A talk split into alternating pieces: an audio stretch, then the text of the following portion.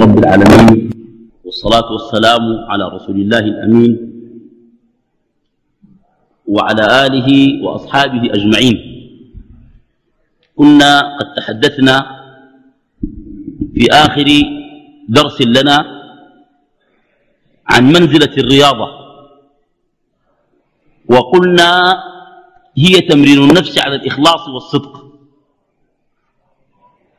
وقلنا أن تعويد النفس على قبول الإخلاص وعلى التخلق بخلق الصدق والإنصاف والعدل وقول الحق ولو على النفس. هذا من الرياضة. وقلنا أن هذه المنزلة على ثلاثة درجات. الدرجة الأولى رياضة العامة. وقلنا هي بتهذيب الأخلاق بالعلم. وهي تعني أن الإنسان عليه أن لا يقول قولا وأن لا يسلك مسلكا وأن لا يفعل فعلا إلا إذا علم مراد الله تعالى في هذا الفعل قبولا وردا وصلاحا وفسادا ورضا وسخطا. بمعنى إذا أراد المسلم أن يتحرك وأن يخطو خطوة عليه أن لا يخطو خطوة إلا إذا علم هل هذه الخطوة في مرضاة الله أم أنها ليست في مرضاته. وعليه أن لا يخطو خطوة بغير مرضاة الله. وفي العبادات أن لا يتعبد عبادة دون أن يعلم من أين هي. حتى يحافظ على رياضته. يعني هذا هو الذي يجعل الإنسان مستقيم. أحيانا تظهر لك عبادة في شكلها في صورتها جميلة ولكنها ليست على الكتاب والسنة. ومن ذلك المرجبين المرجبين الذين يصومون في رجب. هل تعلم أن صيام رجب بتخصيص رجب من فعل أهل الجاهلية؟ هذا في الإسلام ما موجود. الشهور بعد رمضان التي خصها رسول الله عليه الصلاة والسلام وليس التي خصها السودانيون. التي خصها رسول الله صلى الله عليه وسلم بعد رمضان محرم وشعبان. والتي خصها السودانيون رجب. وكل الأحاديث الواردة في فضل رجب ليست ضعيفة. لو كان ضعيفة يمكن أن نأخذ بها إما واهية وإما منكرة وإما موضوعة. يعني ضعيفة ذاتها بتخليها يعني يعني تحسن. هي ليست ضعيفة إما واهية وإما منكرة وإما موضوعة. من كان له صوم يصومه كصوم الاثنين والخميس أو الثلاث الأيام البيض. ثم دخل رجب وصام باعتبار الاثنين والخميس وليس باعتبار رجب صومه صحيح موافق للسنة. أما من تخير رجب وخصه بصيام ظنا أن فيه مزيد أجر ابتدع في دين الله. عمر بن الخطاب رضي الله عنه وأرضاه دعا الناس إلى طعام في وقت الفطور فأمسكوا. فقال أولم يعجبكم طعامنا؟ قالوا ممسكون صايمين. سكت. شوية نبه قال في شنو لكن؟ وأي شيء صمتم؟ قالوا صمنا رجب. فأخذ الدرة وضربهم حتى أكلوا. دقاهم يا من أكلوا. ضرب الزول أكلوا الأكل. أكل فطروا هل معقول عمر بن الخطاب ينهى عن طاعة؟ هل, هل معقول؟ شخص صائم يا أخي يفطره ماذا قال؟ قال أتريدون تعظيم رجب كما كان أهل الجاهلية يفعلون؟ في الإسلام عندنا رجب. في الإسلام عندنا رمضان. ولم أرى رسول الله صلى الله عليه وسلم في الصحيحين. تمسك في القوي الضعيف مالك ماله عن ابن عباس في الصحيحين لم أرى رسول الله صلى الله عليه وسلم يكمل شهرا بعد رمضان كشعبان وكان يصوم شعبان كله إلا قليلا. رواه البخاري ومسلم. وعن أبي هريرة في صحيح مسلم أفضل الصيام بعد رمضان شهر الله المحرم. وفي رواية شهر الله الأصم الذي تدعونه محرم. فلا بد أن تقف على العلم أن تتعبد الله بعلم. ومن عبد الله بجهل كما قال عمر بن عبد العزيز وأخرجه مسلم في الصحيح من عبد الله بجهل لم يزدد من الله إلا بعدا. زي الناس اللي بداهم عمر بن الخطاب رضي الله تعالى عنه. ثم قلنا تصفية الأعمال بالإخلاص. وهذا يعني أن لا يشوب العمل رياء وأن يكون الباعث لهذا العمل مرضاة الله تعالى. هذا تكلمنا عنه. الأمر الثالث هذا ما تكلمنا عنه. يبدأ الدرس من هنا. توفير المعاملة. توفير الحقوق في المعاملة. وهذا توفير الحقوق في المعاملة. لله حق وللبشر من الخلق حقوق. أن تعطي كل ذي حق حقه موفورا وافرا هذا هو الرياض هذه هي الرياضة. أن تعطي كل ذي حق شنو؟ حقه. بمعنى حق الله الإجلال والتعظيم والعبودية والتقرب والتذلل والخضوع والخشوع والثناء والتعظيم والتقديس والتأليه. كل هذه حقوق الله وأكثر. وحقوق العباد على مراتب. فالوالد ليس كالصديق والجار ليس كالبعيد. وذو الرحم ليس كالأجنبي.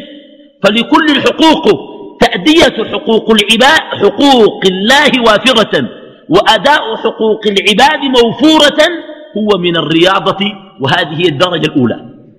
الدرجة الثانية من درجات الرياضة يقول الدرجة الثانية حسم التفرق.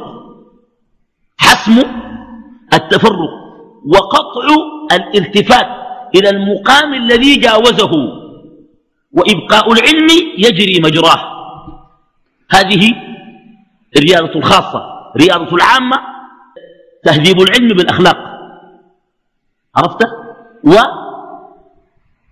وتوفير الحقوق بالمعاملة وتصفية الأعمال بالإخلاص. رياضة الخاصة حسم قلنا شنو؟ التفرق. التفرق يعني شنو؟ يا إخوان كلنا يعيش هذا التفرق. التفرق شتات الفكر وشعث القلب وتفرقه في أودية الدنيا فالصلاة بلا خشوع والأذكار بلا حضور والعبادة بلا إقبال والإيمان بلا لذة ومتعة وحلاوة والتعظيم لله عز وجل ليس على درجته القلب قاسم واللسان غافل والعين جامدة والطبع غليظ. ما الذي بقي بعد ذلك؟ يقول علامة ابن القيم رحمه الله تعالى عند استيلاء الشهوة وتمكن الغفلة وغلبات الهوى ومقاضاة الطبع. استيلاء الشهوة معروف. زول يكون الشهوة دي لما تركب للزول في راسه بيعرف إنها غلط. وإنها بتهلكه وإنها بتودي النار. وماشي فيها. يعرف إنه الشهوة دي فيها فضيحة يعمل والفضيحة تجد وأحيانا ينسيه الشيطان الفضيحة لما يعمل. لأنه إذا ذكر الفضيحة أثناء الشهوة طارت الشهوة وما وجد لها لذة. فيعمى. ولكن لما تجي الفضيحة يبدأ بعد ذاك في التأنيب وفي الانكسار وفي الذل في المجتمع وفي وفي وفي إلى غير ذلك. وتلك عقوبة عاجلة يعاقب الله عز وجل بها. فاستيلاء الشهوة وتمكن الغفلة. الغفلة مش زول الغافل ساكت. غفلة متمكنة مع غلبات الهوى. الهوى غالب عليه مع مقاضاة الطبع. ماشي على حسب طبعه ما مع على حسب الدين. ماشي مع الطبع بتاعه. وما دار يغير طبعه للدين دار يكون مع طبعه. عند ذلك قال ابن القيم لا يمسك الإيمان في القلب إلا الذي يمسك الأرض والسماوات أن تزولا.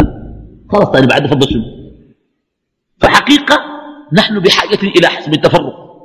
التفرق بمعنى السؤال الجوهري الذي ينبغي أن يجيب عليه كل واحد منا. أتشعر أن قلبك مع الله حاضر؟ وأن معاني الإيمان في, في فؤادك حية؟ وأنك تقبل على الله بكلياتك وأنك مستيقن أن الله على كل شيء قدير وأنك تشعر قربه وتحس في قلبك حبه. هل تشعر بهذه المعاني حقيقة؟ والسؤال هل تحب الله؟ والإجابة نعم ولكن أحيانا أنت تحب الولد أكثر من الله. والدليل أنا أكلمك كلام في أبو شفعوا بناته أولاده المدرسة. المصاريف اللبس ما بخلي لهم حاجة الرسوم الأكل. بالصباح مصاريف الفطور حريص جدا. لكن ما بيسأل بنته يقول صليت. ده أبو عليك الله. ما يقول لي بنته أصلا صليت ولا ما صليتي ولده يبلغ ما بلغ. ما بقول صليت ولا ما صليت. بالرغم من إنه قال الصلاة ذات ما دار بلوغ. مروهم للصلاة لسبع واضربوهم. واضربوهم عليها العشر ما يقدر يدق بنته ولا ولده في عشر سنوات إذا ما صلى أو ما صلت. ليه؟ لأنه بيحبها أكثر من الله. في الممارسة كده بيحبها أكثر من الله في الواقع. تقول له بتحب الله؟ يقول لك أي. أكثر من أي حاجة؟ يقول لك أي.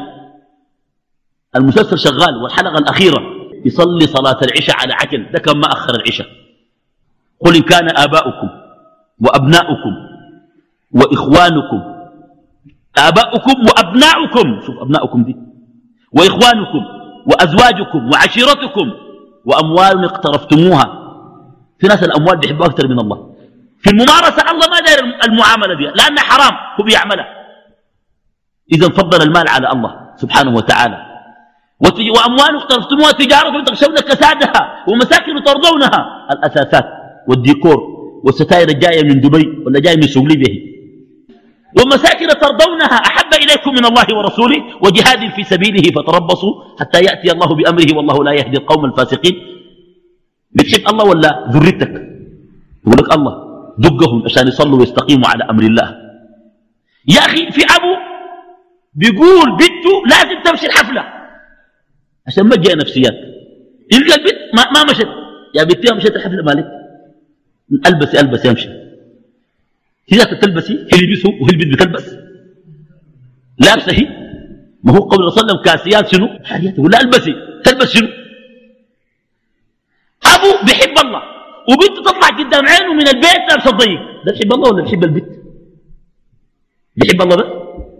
أصلا شوف ابن القيم قال حب الله وحب غيره لا يجتمعان في القلب. فإذا دخل حب غير الله إلى القلب أخرج محبة الله. وإذا دخلت محبة الله على الحقيقة وتمكنت أخرجت محبة غير الله. وقف على ذلك. فأين جمع قلوبنا بالكلية؟ يا إخواننا جمع القلوب يعني شنو؟ أنك في كل لحظة تكون حاضر بقلبك أن الله قريب. تستشعر الأجر تطلب الثواب. ترجو المعونة تطلب المدد. تقبل على الله بصدق وإخلاص. تحس قربة. وتشعر حبة. قال الإمام أحمد المسافة بين العرش وبين العبد قصيرة دعوة صادقة من قلب صادق. دي المسافة بين العرش وبين العبد. يا الله! وتدعو بصدق يجيبك طوال. دي المسافة. المسافة عندهم تقاس بالدعوات. فأين جمع قلوبنا؟ لا بد من حسم التفرق. وحسم التفرق بدون حظوظ كما قال ابن القيم. وماذا نعني بدون حظوظ شوف الكلام ده كيف مهم. بدون حظوظ بعض الناس لا يأتيه لا تأتيه جمعية قلبه على الله إلا في المستحبات فيضيع من أجلها الفرائض والواجبات. بمعنى أزول يكون مندمج يذكر الله باندماج بينه وبين نفسه. والصلاة تقام. الصلاة شنو؟ تقام. الذكر ده فرض ولا نافلة؟ نافلة. والصلاة فرض. ففي ناس ما يمشي الصلاة يقول لك كان قمت قلبي بيتشتت. وأنا الحاله دي ما لقيتها أخوي وأخوك. تعبت يا من قدرت أجمع قلبي على الله كده لو قمت ثاني لحد ما ألقى الحالة دي بتعب. ده لو قعد يكون تابع حظوظ نفسه واهواءه ولم يتابع الدين. شوف ابن القيم قال كلام عجيب خلاص. قال من كان من تجمع من تجمع قلبه مع الله بكلياته وأقبل على الله. شوف الكلام كيف. وأقيمت الصلاة المكتوبة. قال لو كان تحت العرش يقوم ويصلي. فلا بد من جمعية القلب على الله بدون شنو؟ بدون حظوظ الأمر الثاني قطع الالتفات إلى المقام الذي جاوزه. بمعنى أنت إذا كنت مثلا شاكر إذا شكرت هذا مقام من المقامات. لا تلتفت إلى الشكر الشكرته اعتبر الشكر منك كأنه لم يكن. لتتهم نفسك بالتقصير فتفعل مزيد شكر. إذا صمت وقمت الليل فلا تلتفت. لو قلت أنا قمت الليل ده بيهول لك تقول الناس ما قاعد يقوموا. حتى أنا قمنا أحسن من الناس. ده بخليك ما تمشي قدام. بس ابن القيم أتى بقاعدة مهمة في السلوك والتربية. ماذا قال؟ قال السير إلى الله الالتفات فيه إلى الوراء تأخر. أنت ماشي لله كان التفت لوراء تأخر. قال وليس في الطبيعة في الطبيعة يعني شنو؟ في الحركة تحت الناس العادية. العربات ماشية ولا ما ماشية والبساط والطيارات الطبيعة. وفي حركة القلب نحو الله ليس هنالك توقف. إما تقدم وإما تأخر. والمتوقف يعتبر متأخر. في الطبيعة وفي حركة القلب إلى الله. كيف في الطبيعة؟ زول ماشي بحري. وقف جنب الطرمبة هنا ده متقدم ولا متأخر؟ متقدم ولا متأخر؟ ما تحرك واقف. ما رجع لورا جاي من الكدر ووقف هنا. متأخر ولا متقدم؟ متأخر ليه؟ لأنه في ناس بكتار بيجوا وراه بيمشوا الموقف قدامه. واقف. التوقف تأخر. وفي الدين التوقف تأخر. يعني في الدين ما في حاجة اسمها اليوم أنا ما اكتسبت أجر وما عملت حاجة. اليوم بمر عليك دون أن تكسب فيه شيء أنت متأخر إلى الوراء. وحركة القلب نحو الإيمان والصدق. في نوع كل يوم بيزداد إيمان وفي نوع كل يوم أشري ورا بتاع معاصي كان بيسكر بقى يشرب بنجو ويسكر بقى يشرب بنجو ويسكر ويتعاطى هروين ده ماشي وين؟ لورا. في زول بيصلي بس. صلواته الخمسة دي بزياده نهائيا. لا عنده قيام ليل لا عنده صيام. ده متقدم ولا متأخر؟ ده متأخر. لأنه المفروض كل يوم يكون عمل حاجة جديدة. يكون كل يوم على أجر كل يوم على طاعة كل يوم على استقامة كل يوم على قرب إلى الله عز وجل كل يوم على صدقة كل يوم مرة يصدق مرة يعمل مره يوميا حتى يلقى الله تعالى. هذا معنى قوله واعبد ربك حتى يأتيك اليقين. مش أجيب واعبد. يعني تكون طوال شنو؟ وتكون عابد لله تعالى. طيب. هذا معنى قطع الالتفات إلى المقام الذي شنو؟ جاوزه. ليه؟ أحيانا يكون المقام الإيماني قاطعا والعمل الصالح حاجبا عن الله بدل ما يفيدك يأخرك. تلتفت وتقف مع العمل الصالح الذي فعلته فلا تفعل مزيد صالحات فبذلك تأخرت. وقطعك العمل الصالح وحجبك مقام الإيمان بدلا من أن يزيدك. فصار المقام الإيماني لبعض الناس قاطعا والعمل الصالح لبعض الناس حجابا. واضح ولا ما واضح؟ لذلك قال شنو؟ قال قطع الالتفات إلى المقام الذي جاوزه يعني حاجة فتها طاعة عملتها ما تعين لها. ما تعين لها ويعتبر نفسه زي ما عملتها عشان تعمل ثاني. كان عاينت له وجبت عاينت له كل والله أنا تمام. والله أنا أحسن زول. يا أخي أنا بصلي كتر بينك وبين نفسك الله أنا بصلي كتر الصلاة وتكلم الناس والله نحن زول والله تعبانين تعب شديد في الدين والله نحن سوينا وسوينا وسوينا وسوينا. ده بحكي لك ده انقطع خلاص ده انقطع. ثاني اللي قدام شيء ما بيمشي انقطع. حتى دلالة الانقطاع أن العمل صار مكدرا بعد أن كان لله خالصا وصار مشوبا بعد أن كان لله صافيا. فربما يتكدر قبول العمل لأنه ربما قارنه غرور أو رياء أو إلى غير ذلك مما هو من حظوظ النفس عياذا بالله. هذا معنى شنو؟ قطع الالتفات. ثم إبقاء العلم يجري مجراه. وده مهم جدا. كرر علم ثاني لأنه قيد مهم. يا إخواننا في حاجة جدا مهمة. وسوف يذكرها ابن القيم في المنزلة التي بعد منزلة الرياضة. والمنزلة التي بعد منزلة الرياضة هي منزلة السماع. يتكلم ابن القيم على أن هنالك أحوال تحصل للناس. يعني في زول مرات كده يشعر نفسه إنه إيمانه ماله. يا اخواننا نحن بنحس بالكلام ده؟ اولا أكثر ما نعانيه في عصرنا تقلب القلب وعدم استقراره. نجد أحيانا أن نصلي صلاة الآلة. نتعبد عبادة الروتين. لا نجد حلاوة الإيمان. لا نذوق حلاوة العبادة. لا نقبل على الله بكلياتنا. إذا دعوناه القلوب شاردة. وإذا سألناه الألسنة غافلة. وإذا ذكرناه الذكر ليس حاضر بمعانيه إنما هي ألفاظ على الألسنة مجردة. كل هذه يعني معانيها. وأحيانا نشعر بهمة عالية ونشاط منقطع النظير نحو العبادة وقيام الليل والصوم. وأحيانا نقوم إلى المكتوبات والفرائض نجرجر أقدامنا كأننا نأتي, كأننا نأتي عبئا ثقيلا من الأعباء. ألا تحسونه في أنفسكم؟ ألا تحسونه في أنفسكم؟ ما حاسس به؟ بنحس كده. أحيانا تأتي حالة. الإنسان يكون عبد عمل حاجة تأتيه حالة. حالة من شنو؟ الحال هو درجة من درجات الصفاء. بتكون أنت ما شفت بنات كتار ما عاينت لي حرام ما عملت كده. تعود نفسك إنك أنت شنو؟ على درجة عالية من الصفاء. سمعت قرآن كثير ده بيجيب شنو؟ بيجيب الحالة كانت الصفاء. هذه الحالة آه تسمى الذوق. يعني ذوقت حلاوة الإيمان. أو الحال أو جمعية القلب على الله. هذه حتى تبعد عن الحظوظ لا بد أن يكون العلم حاكما عليها. فلذلك يقرر ابن القيم قاعدة مهمة في التربية أن العلم حاكم على الذوق وعلى الحال والحال ليس بحاكم على العلم على العلم بحال. يعني شنو؟ نشوف الشيء اللي بيرضاه الله ولا بيرضاه الله في الشريعة فيه ولا ما فيه في دود عليه دليل ولا ما عليه دليل؟ يا اخوانا ممكن الشخص يذكر الله ذكر بدعي.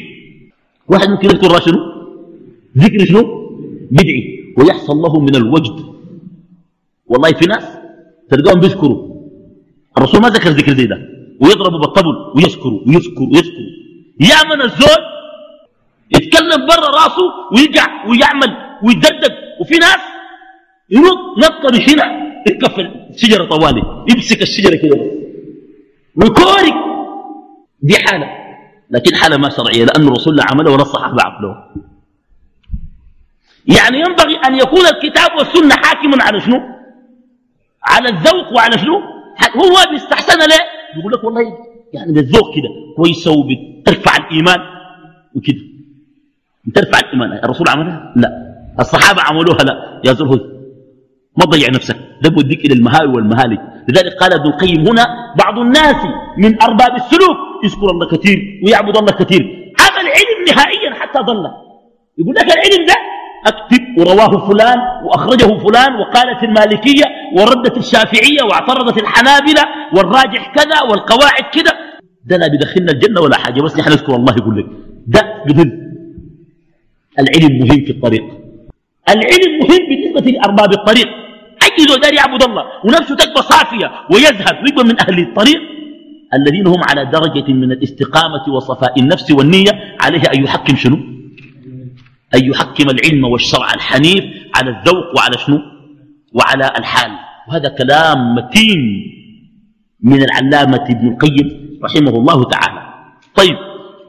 ثم قال رياضة خاصة الخاصة. رياضة خاصة الخاصة. دي أعلى درجات الرياضة طبعا. عند من؟ عند الهروي. ولكن ليست عند ابن القيم. أولها تجريد الشهود. تجريد الشهود. يعني الشهود شهودان. أولا أن لا يشهد غير الله. يعني إذا عمل الطاعة وتوفق ما يقول الناس عملوا لي وسهلوا لي. يقول شنو؟ يقول الله وفقني الله عمل لي الله سهل لي كده. والناس بالمناسبة نسأل الله السلامة والعافية. الله ده ما ماشيين عليه أصلا. الواحد تلقى إجراءاته كلها تسهل يقول لك كيف؟ يقول لك والله لقيت لي واحد واسطة قريب خدمني خدمة شديدة. الله وين؟ الله ما طاير إنه مكتوب. الثاني أها الحصل لك شنو؟ العمل لك ولدي. ولد الله يدي العافية. بنى لنا وسوى لنا وعمل لنا الله وين؟ أولادي شاهديني يقول لك. الله وين؟ يا زول لا تشهد. شكر الوسائط من الدين. من لا يشكر الناس. لا يشكر الله. الرسول قال كده. ولا تنسوا الفضل. بينكم. الله قال كده. أدى أي حق حقه. ولكن أن يكون الحق الأول لله. فقول الله سخر لي فلان. الله يجزاه عني خير. مشيت لقيت لي زول طيب الله سخره لي. إن شاء الله ربنا يتقبل منه. مضى لي الورقه وقام لي بالموضوع. لكن بس من الأول فلان فلان الله ده ولا بتروزاته لا تشهد في في نعمك التي أنعم الله عليك غير الله. إن الحمد والنعمة لك والملك لا شريك لك. ما معه شريك أصلا الله. طيب ده شنو؟ المعنى الأول لتجريد السود. المعنى الثاني أن أن يجرد الشهود من نفسه. بمعنى ما يلتفت ما يشهد غير الله من البشر. ولا يشهد نفسه. إنه العمل ده ما يشهد إنه عمله بشنو؟ بقوته. ما يقول والله أنا ساسكت مساسلة وقفت في الصف وتعبت. جبت بي عرق جبيني. وكان الله ما رايد لك. بتجيب؟ أه؟ ما في كم زول عنده عرق جبين. جابوا كان عرقت من الليلة سنة كاملة. بتجيبه؟ كان الله ما أعرف لك قول ما تشهد نفسك. يعني لا تشهد الناس تجرد شهود الناس. وتجرد شهود شنو؟ وإذا فعلت العمل الصالح اعتبر هذا توفيق من عند الله. أن الله أعانك يا إخوانا شوف اللهم أغننا بحلالك عن حرامك هو بيغنيك وبفضلك عما سواك. هو هو اللي بيكفيك ما الناس وهذا معنى لطيف جدا من اللطيف هذا معنى تجريد شنو؟ تجريد الشهود. قال والصعود إلى الجمع. والصعود إلى شنو؟ إلى الجمع. وده كلام تقيل تقيل. ركزوا معي الصعود إلى الجمع ده ركزوا معي كلام ابن القيم لا يجوز شرح أنا بشرح لكم بسيط وب... وب... وبديكم له. ده في ثلاث صفحات. ده الصعود إلى الجمع ده في ثلاث صفحات. أنا بديك لك بالراحة في سطرين بس. بس ركز معي. بتوفيق الله تعالى. ما مني أنا برضه سماه ما تقول أنا فصيح. أنا ما فصيح. الله موفقني. الله كان موفقني. والله اللسان ده ما يقول أي كلام. قال ربي اشرح لي صدري. ويسر لي أمري. واحلل عقدة من لساني يفقه قولي. ده نبي. قال كده. نبي قال كده. انت عارف لما يطلع المنبر يوم الجمعة وأنا طالع بقول الكلام طوالي. أقول له يا الله. ربي اشرح لي صدري. أنا والله بلاك كلمة واحدة ما أقدر اقولها ربي اشرح لي صدري ويسر لي أمري واحلل عقدة من لساني يفقه قولي. فكان في فصاحة وبلاغة من ربنا. وكان في تفهيم لكلامي للناس من ربنا. وكان في خلل. أنا ما قدرت أوصل المعلومة. فشوف الأشدة. يقول شنو؟ الصعود إلى الجمع. الجمع جمعان. الجمع جمعان جمع في المفعولات وجمع في الصفات. طيب ما معنى هذا الكلام؟ الصعود إلى الجمع. تشعر إن العباد هؤلاء جميعا المتفرقون أنساما وأشكالا وألوانا ولغات ولهجات وطبائع وفهوم وعقول وأذواق. المتباينون جميعا لا يفعلون شيء إلا يريده الله وأنهم لا يخرجون عن إرادته. وما تشاءون إلا أن يشاء الله. فأن تشهد الجمع بمعنى تشهد أن الأفعال التي يفعلها العباد مصدرها واحد فألهمها فجورها. وشنو؟ وتقواها. الموفق وعمل صالح من ربنا والما عمل صالح خذله الله وحرمه الله وما وفقه الله. وليس الخلل والظلم من الله لأنه لا يشبه الخير ولا يناسبه. زي شارون ده حسن ينفع زول صالح؟ أه؟ ولا جورج بوش ينفع زول صالح باقي لك زول مجرم. بيشبه هسه الإجرام. زي ده بينفع الله بيغسله بينفع إيده منه. بيخليه يعمل الكتل ده كله عشان بعدين يوم القيامة ينجم ونجام شديد. كله يجي يتعذب عذاب. انت عارف في بعض الناس ربنا بيهديهم. والهداية دي حق صرف لله. من يهدي الله فهو المهتد. ومن يضلل فلا هادي له ولن تجد له وليا مرشدا. فتشهد الصعود إلى الجمع أن الأفعال مصدرها واحد. وهذا جمع في المفعولات أي في الحكم الكوني بتاع ربنا. ولو شاء الله ما اقتتلوا ولكن الله يفعل ما يريد. كويس؟ وما تشاءون إلا شنو؟ الله ما بيعين الزور على المعصية. لكن في ناس الله بيرفع ايده منهم ما بيعصموا. ما بوفقوا للخير. لكن بيخلون مدون عقول مدون إرادة مدون اختيارات. بيختاروا شنو؟ بيختاروا شنو؟ الشر والكفر والضلال. عدل منه. الخلل فيهم هم. الشر في مفعولاته وليس في أفعاله سبحانه. في مفعولاته يعني شنو؟ البشر ما بيعملوا شر صح الله خلقوا جميعا خلقوا كون الله خلق البشر. ده شر ولا خير؟ خير ولا شر؟ خير. لكن البشر في ناس بيقولوا كفار. وفي ناس بيقولوا شنو؟ مؤمنين. المؤمنين الله وفقهم والكفار مالوا خذلهم بأنه رفع يده عنهم فتركهم لأنفسهم فضلوا. ولذلك لأن الضلال من أنفسهم سوف شنو؟ سوف يحاسبهم. من اهتدى فإنما يهتدي نفسه ومن ضل فإنما يضل شنو؟ عليها. ولا تزر وازرة وزر أخرى وما كنا معذبين. ذا العدل الإلهي حتى نبعث رسولا. ضل بنفسه. والاهتدى اهتدى بمن بالله. الله هداه. وده الله ما وداه المعصية لكن أبى يهديه. رفع يده منه. كان ممكن يمشي الهداية هداية قدامه والمعصية قدامه والإرادة عنده إرادته الحرة وعقله واختياره ما مجنون. لأن المجنون في الإسلام ماله يرفع عنه القلم. إنا خلقنا الإنسان من نطفة أمشاج نبتليه فجعلناه سميعا بصيرا. ولأنه جعله سميعا بصير. قال إنا هديناه السبيل. إما شاكرا وإما كفورا. البيع كفور كيف؟ من الله ولا من نفسه؟ ومن نفسه. ومن أساء فشنو؟ فعليها. من نفسه. عشان كده الله بعدين بيعذب. وعدي منه سبحانه. لذلك هذا الصعود إلى الجمع الأول. الصعود إلى الجمع الثاني الصفات. الهروي بيرى شنو؟ الهروي بن القيم اختلفوا. أنا حوريك الهروي بيرى شنو ابن القيم بيرى شنو؟ أوريك الصحيح شنو؟ الهروي بيرى إنه ما تعاين لأسماء الله ولا صفاته بس تعاين لله بس. أسماء دي وصفاته ما عندك فيها شغلة. لأنه يتفرق لأنه الأسماء كثيرة. والذات شنو؟ واحدة. الجمع في أن تكون مع الذات لا مع الصفات.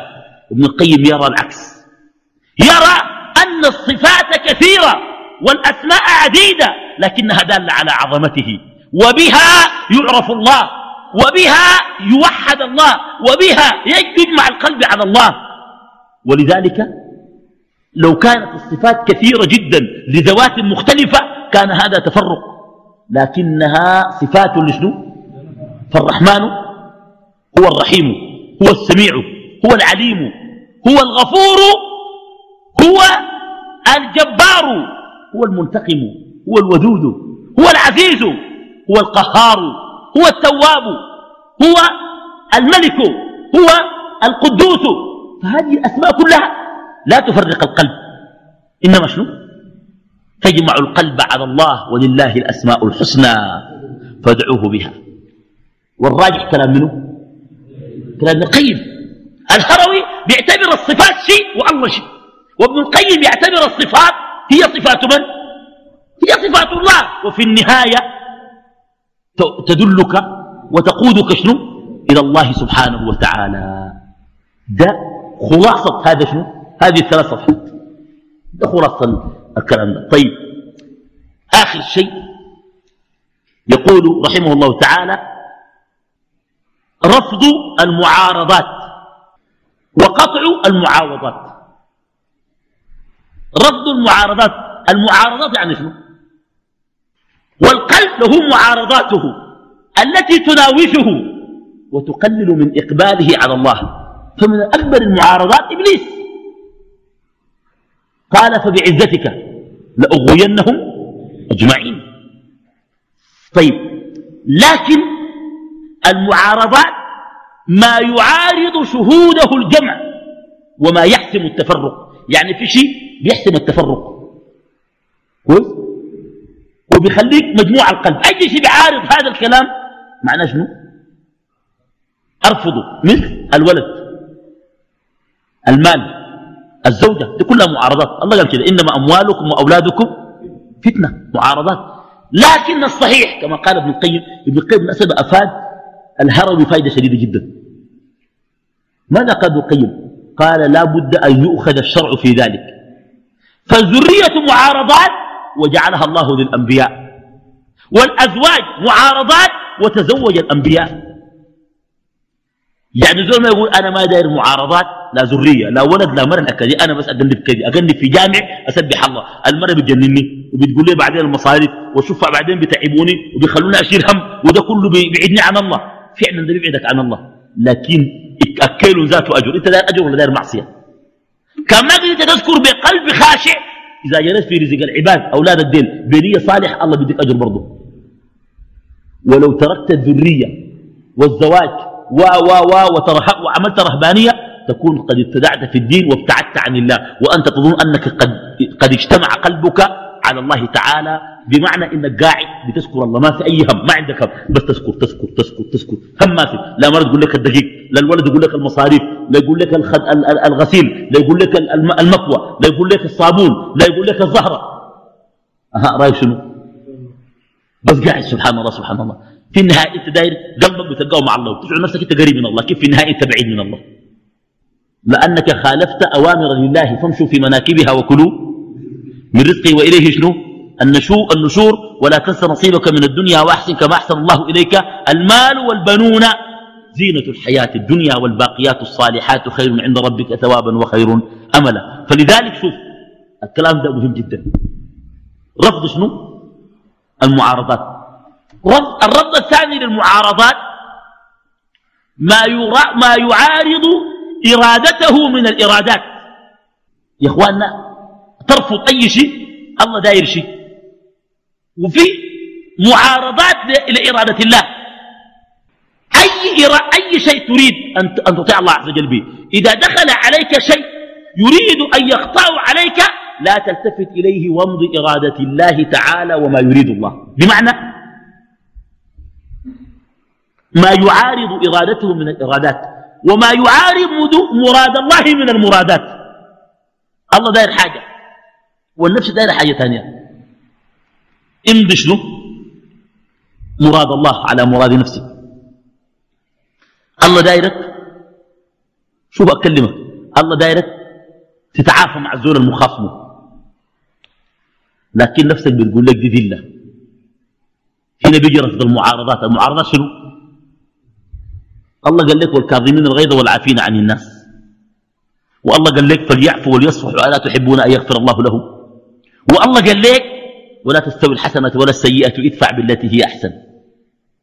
الله قال لك كده. خذ العفو وأمر بالعرف وأعرض عن الجاهلين. ونفسك قالت لك شنو؟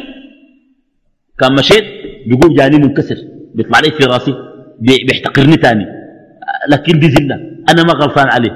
بعد كل مرة بيعمل لي وكيف؟ لكن هنا تعارضت إرادتان. إرادة الله لك أن تعفو وإرادة نفسك أن لا تعفو. حتاخذ ياتا هو شوف أنت خصومتك له عشان خاطر نفسك ولا نصرة لدين الله. كان عشان خاطر نفسك تقطع وترفض هذه المعارضات وتقدم مراد الله الذي هو العفو على مراد نفسك الذي هو عزة النفس والخصومة. أما إذا الدين الحب في الله والبغض في الله من أوثق عرى الإيمان. لكن في ناس أصلا الحب ده بالمزاج. أيوة يقول لك أنا بكره لوجه الله. تقول له تعال ما له عمل شنو؟ يقول لك والله ما شفته كذي؟ قبل أباه ده لوجه الله بالمناسبة خير يعني البغض لأول مرة ولأول نظرة ده لله ده لله باقي ده لله للشيطان والهوى أعوذ بالله. فلذلك هذا رفض شنو؟ المعارضات. أخيرا قطع المعاوضات. وقطع المعاوضات باب كبير جدا. وهذا مفهوم منتشر بين الناس. يقول لك لا نعبد الله لا طمعا في جنته ولا خوفا من ناره. كويس؟ ولكن شنو؟ أه؟ ولكن حبا فيه. هذا ما أراده الهروي ولكنه يحتاج إلى تحقيق كما قال ابن القيم. تعال شوف ابن القيم يا إخواننا العلم بالكتاب والسنة مفيد جدا في المسائل دي. ابن القيم قال شنو؟ قال لو أراد أن الله بكماله مستحق للعبادة لكان هذا كلاما مستقيما. الله كان ما عنده جنة. لعظمته يستحق شنو؟ العبادة. ولو ما عنده نار يستحق العبادة. لكن تجريد النفوس من طلب المعاوضة طلب للمحال للمحال. ليه؟ لأن النفوس في دنياها وفي أخراها مجبولة على العمل بعوض. لا بد يكون في عوض. زوجي يشتغل هنا في الجامع ده. ركب الصبات دي. مجانا لو قلت له مجانا تعالوا مجانا شهر مرة يجيك ومرة ما يجيك. بيمشي في الشغل الفوق قروش لما تقول له القروش دي حقه تعال طيب في زول جاء لله. برضه بعوض. ليه؟ يعني لا يفعل شيء إلا لأجل وإلا كل الطاعات. لماذا تصلي؟ تريد رضا الله وتريد من خلف الصلاة شنو؟ أجرا. فإلغاء الأجر والمعاوضة بالكلية باطل. ليه؟ الأنبياء مش أعلى الناس.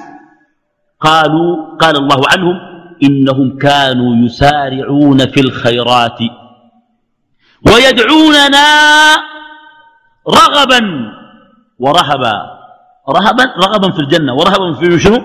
وكانوا لنا خاشعين. ورينا حيكون أحسن من الأنبياء منه يجي يقول ما عبدتك لا خوفا من نارك ولا طمعا في جنتك. هذا كلام ما صحيح.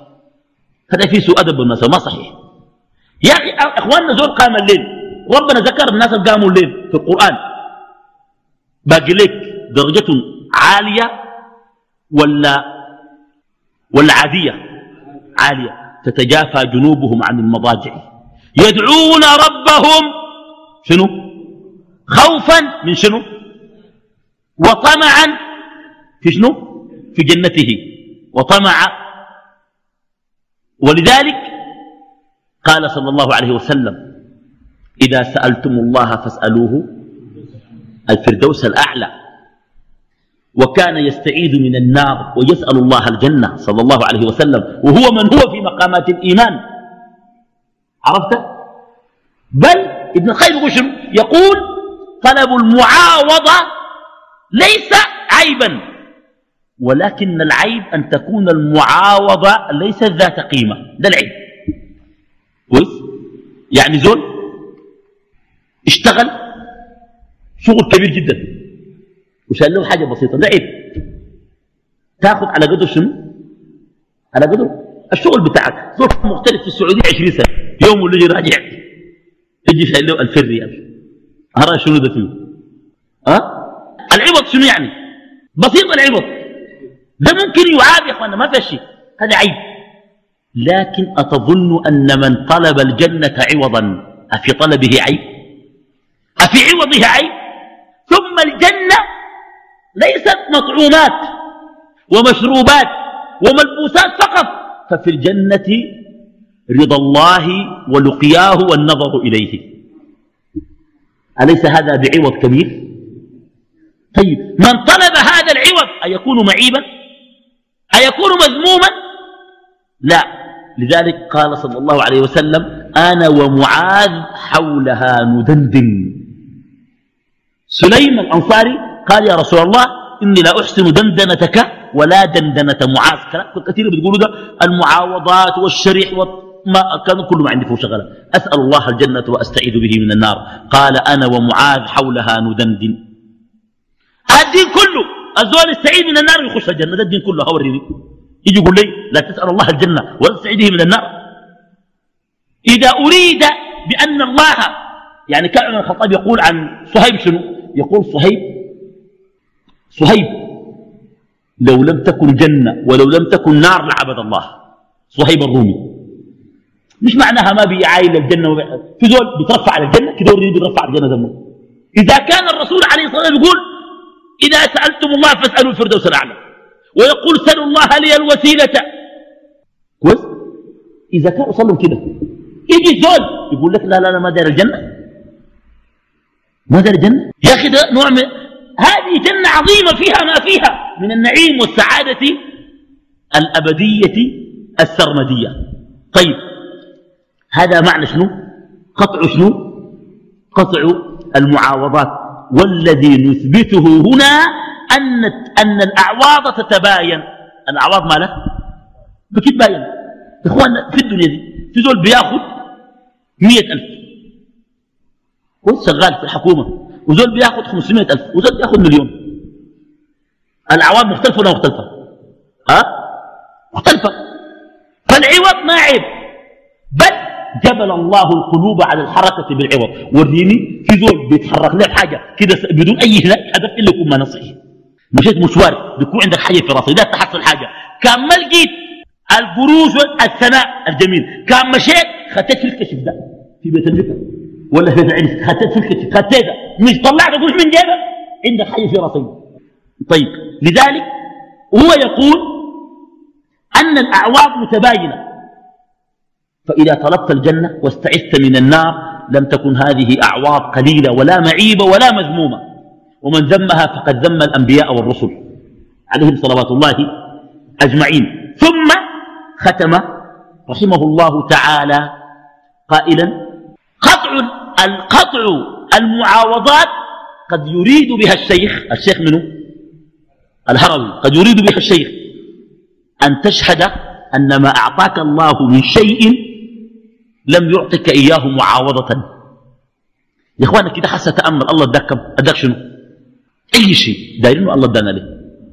أول حاجة أجسادنا معافية الحمد لله رب العالمين. لا سرطانات ولا ولا ولا الحمد لله. صح؟ مزوجين.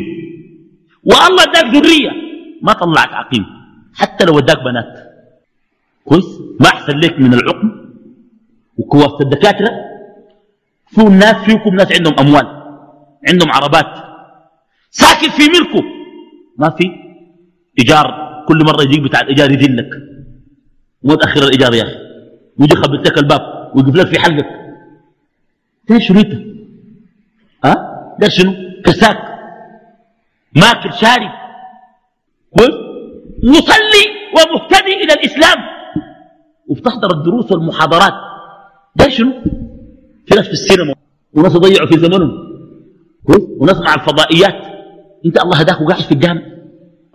يا إخواننا أي شيء أداك له الله. وريني أنت أديت الله شنو. ده عوض من الله. يعني الله أداك له عشان أنت أديته حاجة؟ ها؟ الكفار الله م... الله مدون النعيم الفوق الكفار ده. من منه ها؟ الدنيا سجن المؤمن وجنة شنو؟ جنة الكافر. فسبحان الله ما أعطاك الله من شيء لم يعطك إياه معاوضة. إنما أعطاك إياه تفضلا وإحسانا. أيوه سبحانه وتعالى. ثم لا يرجو منك عوضا. وده الله. يعني بعد ما أنت بتدي في في الخشب عشان يدوك شنو؟ يدوك أكثر منه. صح ولا ما صح؟ فنختم. يعني الحمد لله المنزل انتهت. لم يعطك لعوض يرجوه منك كما عطاء العبيد للعبيد. وإن كان في بعض العبيد بيكرم. طيب في بعض العبيد بيعطي بعض العبيد صح؟ لكن ما بديه نشان منهم العوض دايم منهم العوض دايم من منه ها؟ من الله. في ناس بده المساكين بيكون دي أجر ولا بيعرف اسمه ذاته. ويكون شافه مرة واحدة. وده من تصدق بصدقة فأخفاها حتى لا تعلم شماله ما أنفقت شنو. ده أدى لمنه أدى لله. إذا كان بعض البشر بدي بدون طلب عوض الله بدي كيف؟ من باب أولى أنه يعطي بدون شنو؟ بدون عوض. نواصل الدرس القادم. أسأل الله تعالى أن يوفقنا وإياكم لما يحبه ويرضى. وأن يأخذ بنواصينا الخاطئة الكاذبة إلى البر والتقوى وأن يتقبل منا وإياكم أجمعين وأن يحبب إلينا الإيمان وأن يزينه في قلوبنا وأن يكره إلينا الكفر والفسوق والعصيان ويجعلنا وإياكم من الراشدين وصلى اللهم وسلم وبارك على نبينا محمد آله وصحبه وسلم.